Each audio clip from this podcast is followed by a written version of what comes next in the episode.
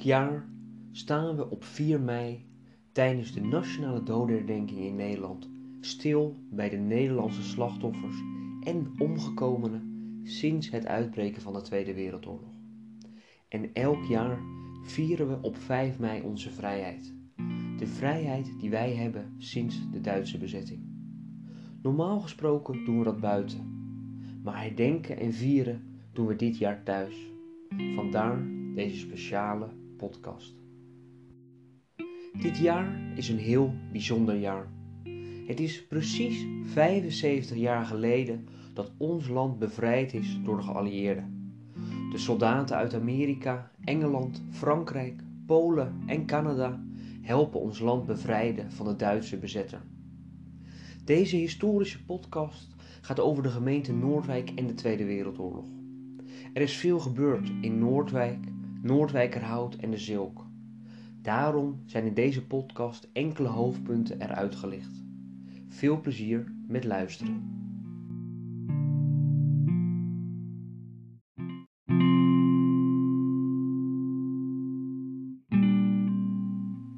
Aan de vooravond van het uitbreken van de Tweede Wereldoorlog lopen de politieke spanningen in Europa hoog op.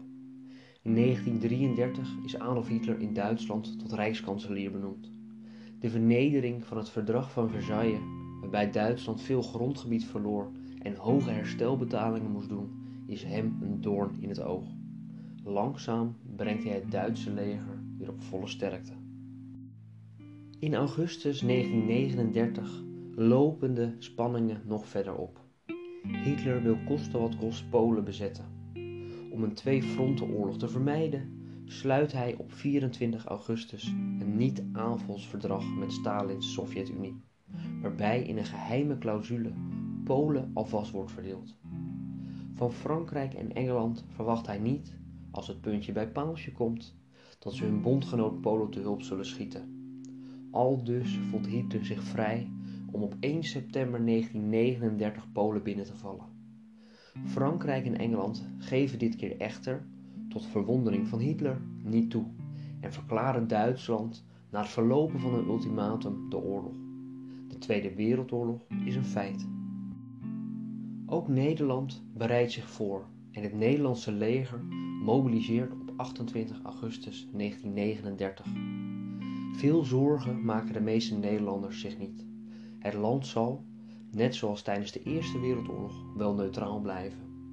In Noordwijk, Noordwijkerhout en de Zilk worden diverse Nederlandse militairen gelegerd.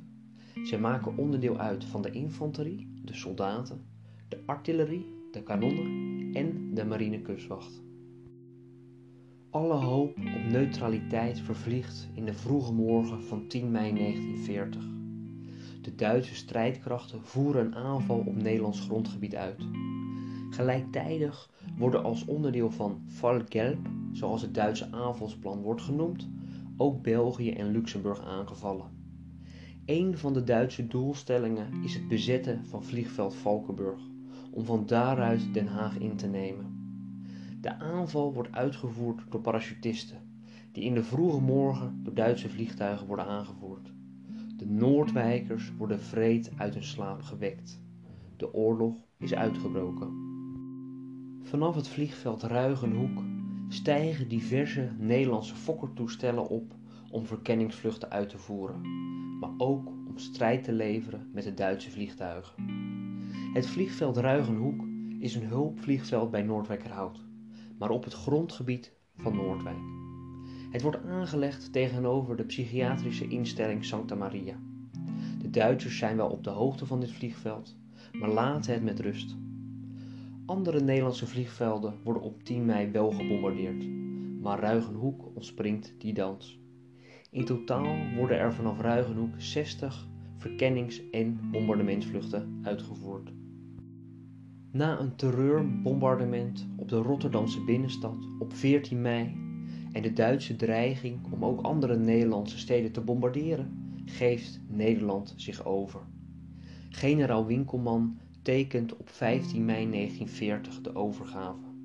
De oorlog is voorbij. De tijd van de Duitse bezetting begint.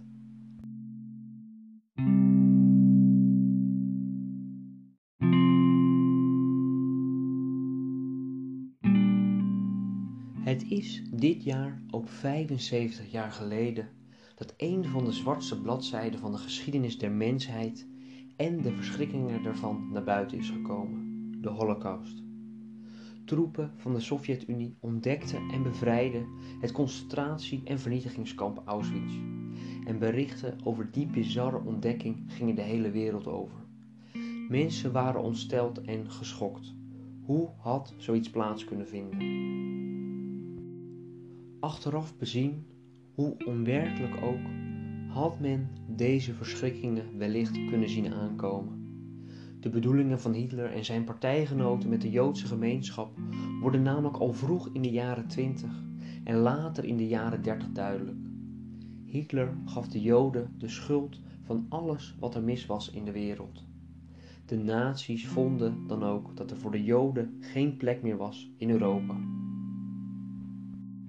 De nazi's passen gedurende de Tweede Wereldoorlog bij de Joden eerst een tactiek toe van isolatie.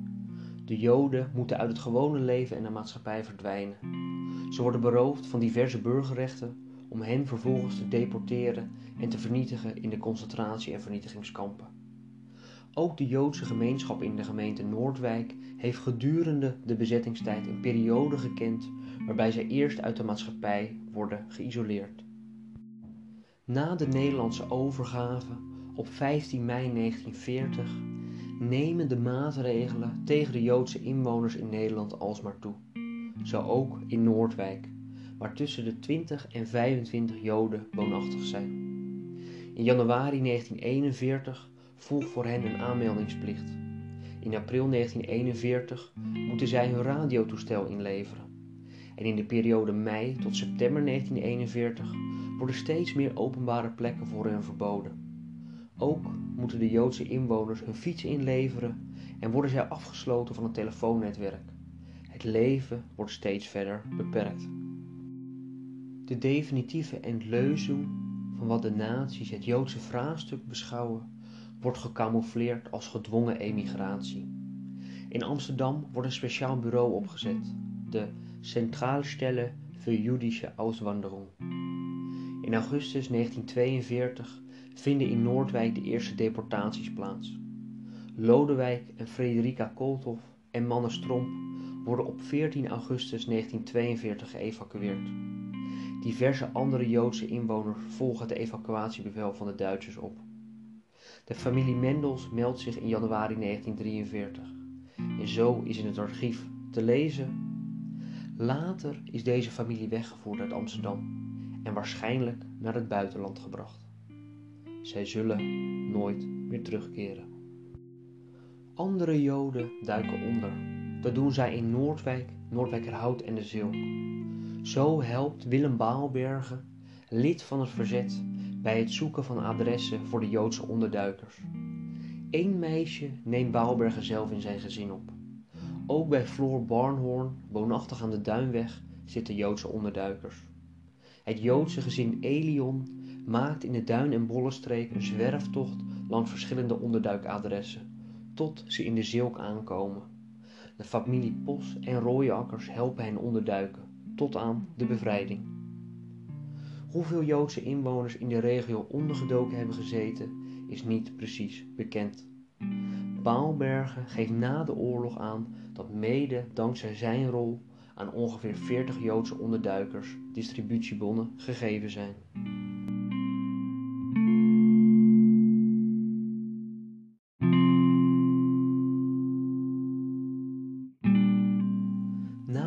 Duitse bezetting van mei 1940 kiezen verschillende Nederlanders ervoor om door middel van bootjes, kano's en andere vaartuigen naar Engeland te vertrekken, om al daar de strijd tegen de Duitsers voor te zetten. De voornamelijk jonge mannen die deze gewaagde pogingen ondernemen, worden Engelandvaarders genoemd. De eerste succesvolle poging wordt op 5 juli 1940 vanaf het Noordwijkse strand ondernomen. Drie studenten slagen erin om in een klein bootje vanaf het strand voor Hotel Huis de Duin de overtocht te maken. Onder het oog van borrelende Duitse officieren slepen zij de boot tegen het vallen van de avond naar de branding en varen weg. Als ze al bijna uit zicht zijn, openen de Duitsers het vuur op de Engelandvaarders. Tevergeefs. Ze slagen erin om Engeland te bereiken. Vanaf het Noordwijkse strand worden maar liefst twaalf pogingen ondernomen om naar Engeland te gaan. Een van de laatste acties vindt plaats in de zomer van 1943. De twee Noordwijkse neven, Leendert den Hollander en Leendert Hellenberg, worden na drie dagen van roeien en dobberen door Engelse boten opgepikt en naar Londen gebracht. Daar vervolgen zij hun avontuur om de strijd tegen de Duitse bezetter voort te zetten. Sinds 2015 is er in Noordwijk een heus museum dat geheel gewijd is aan de Engelandvaarders. Het museum heet dan ook Museum Engelandvaarders. Wil jij meer weten over alle pogingen die ondernomen zijn door de Nederlandse mannen en vrouwen die erin geslaagd zijn hun tocht naar Engeland te maken? Neem dan hier eens een kijkje.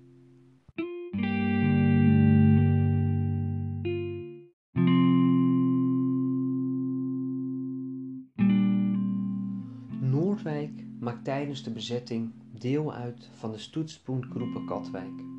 De dorpen Katwijk, Valkburg, inclusief het vliegveld en Noordwijk vallen binnen deze Duitse verdedigingslinie en zijn onderdeel van de onneembaar geachte Atlantikwal. Uitbouw van de kustverdediging heeft grote consequenties voor Noordwijk. Duizenden inwoners moeten noodgedwongen het dorp verlaten en diverse villa's en huizen worden gesloopt of van binnenuit ontmanteld. Sinds december 1940 zijn ten noorden van Noordwijk Duitse troepen gelegerd. Zij maken onderdeel uit van de Cecil-batterij Noordwijk. Deze troepen van de Kriegsmarine bouwen aan een kustbatterij en nemen het terrein van de Noordwijkse Golfclub in. In het clubgebouw kan men dagelijks, behalve op zondag, tussen 10 uur en 11 uur ochtends op spreekuur komen bij de ortscommandant van Noordwijk. In april 1942 worden de beide boulevards, de duinen en het Noordwijkse strand voor publiek afgesloten. En per 1 mei is de gehele Nederlandse kust tot 1 kilometer landinwaarts tot afgesloten gebied, ook wel spergebied genoemd, verklaard. Alleen diegenen die voor hun beroep op het strand moeten zijn, krijgen van de Duitsers een auswijs en mogen het spergebied betreden. Hitler is ervan overtuigd dat de Kanaalkust en de Atlantische kust een onneembare vesting moet worden. Hiermee is de Atlantikwal geboren, een verdedigingslinie van ruim 5000 kilometer van Noord-Noorwegen tot aan de Spaanse grens. De plannen omvatten niet alleen versterkingen direct aan de kust, maar ook bunkers, mijnenvelden en prikkeldraad landinwaarts. Dit om een eventuele aanval van parachutisten af te kunnen slaan. Niet alleen wordt er aan de kust gebouwd aan de Atlantikwal, ook worden op last van de Duitse bezetter diverse gebouwen in de gemeente Noordwijk gesloopt. Villa's en huizen in Noordwijk vallen ten prooi aan de sloopwoede. Maar ook het markante kasteel Leeuwenhorst in Noordwijkerhout. De Duitsers willen precies op die plek een tankval aanleggen, als onderdeel van de verdedigingslinie. Het kasteel wordt daarom gesloopt. Wist je trouwens dat in onze gemeente ook een museum geheel gewijd is aan de Atlantikwal? Diverse bunkers zijn nog te zien, ook van binnenuit. Ten noorden van de vuurtoren ligt het Atlantikwal Het vertelt over de komst van de eerste Duitse troepen in Noordwijk, de kanonnen en de bunkers als onderdeel van de beruchte Atlantikwal.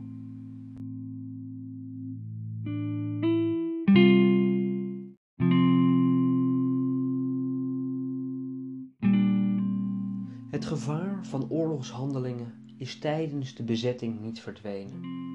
Op 8 augustus 1940 worden er, vermoedelijk door een Engels toestel, drie bommen afgeworpen op een kampeerterrein in het Langeveld. Een Rotterdamse man, die daar op dat moment aan het kamperen is, raakt ernstig gewond en overlijdt later in het ziekenhuis in Leiden aan zijn verwondingen. Eind oktober 1940 vallen er ook enkele vliegtuigbommen in Noordwijk, waarbij Villa Jacinta aan de Nieuwe Zeeweg wordt getroffen. Tussen mei 1940 en oktober 1941 worden er maar liefst 18 keer bommen afgeworpen boven de gemeente Noordwijk. Vaak is er veel schade, maar soms kosten deze bombardementen ook levens. Op woensdagavond 12 maart 1941, om kwart over elf, slaan er enkele vliegtuigbommen in nabij de Egbert de Grootstraat, de Ruiterstraat en de Duinweg. Diverse Noordwijkers raken gewond en Jacob Duindam wordt dodelijk door een scherf getroffen.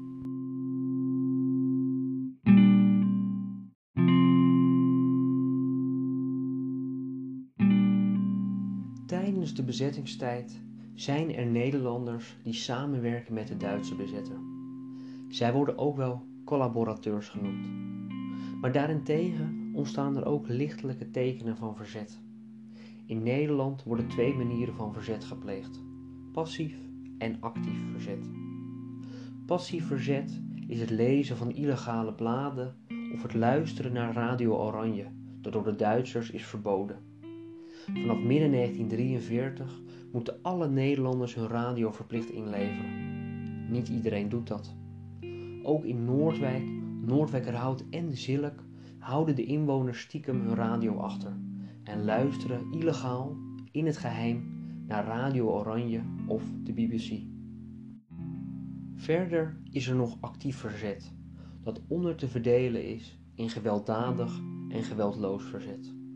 Geweldloos actief verzet is bijvoorbeeld het helpen onderduiken van Joden of Nederlandse jonge mannen die in Duitsland arbeid moeten verrichten. Vanaf 1944 krijgen burgemeester van Noordwijk, de NSB'er Gerard Mussegaas, en de burgemeester van Noordwijkerhout, Adriaan van Iersel, de oproep om steeds meer arbeidskrachten te leveren voor de Duitse bezetter. Als protest tegen de vordering van arbeidskrachten duiken op 5 september 1944, ook wel Dolle Dinsdag genoemd, burgemeester van Iersel, de gemeentesecretaris, de gemeentesecretarie en het politiekorps van Noordwijkerhout onder. De Duitsers zijn woedend. Op deze manier wordt een vordering van arbeidskrachten tegengewerkt. In de afwezigheid van Van Iersel wordt burgemeester Musegaas tijdelijk aangesteld als burgervader van Noordwijkerhout. Dit zou hij tot aan de bevrijding blijven. Ook wordt geprobeerd om neergehaalde Amerikaanse en Engelse piloten uit de handen van de Duitsers te houden. Als er in december 1944 een Amerikaanse bommenwerper neerstort, moet de bemanning worden geholpen. Er wordt een onderduikadres gezocht en twee bemanningsleden, Ashley Ivy en Leonard Polk, belanden bij de familie Verselenwel de Witte Hamer in Noordwijkerhout. De familie verblijft vanaf september 1944 in de oude ambtswoning van burgemeester van Iersel in Noordwijkerhout. De twee overige Amerikanen worden naar Noordwijk overgebracht en duiken enige tijd onder op de voormalige villa van de ontslagen burgemeester van Mortel, Huizen Gehorst. Daartegenover hebben we ook nog het gewelddadige verzet. Aanslagen plegen op Duitse soldaten en collaborateurs en het overvallen van distributiekantoren. Aanslagen worden in de beginjaren voornamelijk gepleegd op collaborateurs, zij die samenwerken met de Duitsers. Hiertegen volgden dan weer represaillemaatregelen van Duitse zijde. De verzetsgroepen die dit soort acties deden, worden ook wel knokploegen genoemd.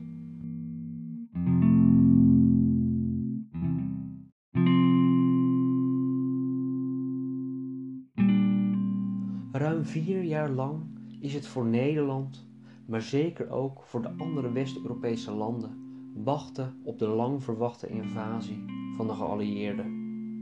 De invasie die ooit zou moeten komen aan de westkust. Op 6 juni 1944, ruim vier jaar wachten, is de dag eindelijk daar. Die day, de dag dat de geallieerde legers landen op de Noord-Franse kust de stranden van Normandië. Toch verloopt de invasie hierna niet snel. Ruim twee maanden duurt het nog tot Parijs op 25 augustus 1944 wordt ingenomen. Maar na de val van Parijs gaat het ineens snel. Antwerpen valt op 4 september 1944 in geallieerde handen. Dit geeft hoop voor de Nederlanders. Antwerpen is immers dichtbij ons land. De bevrijding van Nederland lijkt slechts nog een kwestie van tijd te zijn en de geruchtenmachine draait op volle toeren. Op dinsdag 5 september 1944 wordt het hoogtepunt bereikt. In geheel Nederland staat men klaar om de bevrijders met open armen te ontvangen. Duitsers vluchten en ook veel Nederlanders die met hen hebben samengewerkt gaan mee. De lang verwachte dag lijkt eindelijk daar, de bevrijding. Maar al snel blijkt dat de geallieerde legers bij de Belgische grens halt houden. Hun voorraden zijn op. De Duitsers krijgen de kans te hergroeperen en de kans om snel Nederland te bevrijden is verkeken. Deze 5 september 1944 zou ingaan als Dolle Dinsdag. Toch zou het niet lang duren voor de geallieerden een poging zouden doen om Nederland te bevrijden. De Britse veldmaarschalk Montgomery bedenkt een plan die de oorlog voor kerst 1944 zou moeten beëindigen. De operatie heet Market Garden. Om te zorgen dat de Duitsers niet snel troepen over het land per spoor zouden kunnen verspreiden, wordt door de Nederlandse regering een algemene spoorwegstaking afgekondigd. Op 17 september vliegen honderden vliegtuigen vanaf diverse militaire vliegvelden in Engeland op. Uiteindelijk gaat er van alles mis. De dropzone is te ver weg van de brug in Arnhem. De Duitse troepen zijn toch sterker dan verwacht. Uiteindelijk blijkt de operatie een brug te ver. Nederland blijft onder de Duitse bezetting en de bevrijding zal nog even op zich moeten wachten.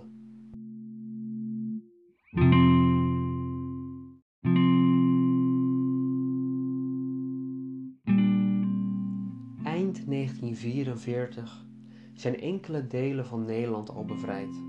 Gaat dan om het zuiden van het land. Maar het westen van het land nog niet. En de inwoners krijgen te maken met grote tekorten aan voedsel, brandstof en medicijnen. De daaropvolgende winter zal later bekend komen te staan als de hongerwinter, waarin tienduizenden Nederlanders in het zicht van de bevrijding de hongerdood sterven. Ook in Noordwijk zijn de gevolgen van het voedsel- en brandstoftekort in die laatste oorlogsmaanden goed merkbaar. Om de vele monden te voeden, wordt er voedsel uit het nog bezette Noord-Nederland gehaald. De gemeenten in de Duin- en Bollenstreek helpen elkaar bij de eerlijke verdeling van het beschikbare voedsel. Vanuit Noordwijk, Noordwijkerhout en de Zilk worden diverse tochten ondernomen om aan eten te komen. Eind april 1945, als de oorlog zijn laatste stadium is ingegaan, verschijnen er plotseling laagvliegende bommenwerpers in de omgeving van de gemeente Noordwijk. Deze vliegtuigen werpen, met toestemming van de Duitse bezetter, meelbussen, vlees en bussencrackers af. Deze droppings vinden voornamelijk plaats op de vliegvelden, zoals die van Valkenburg.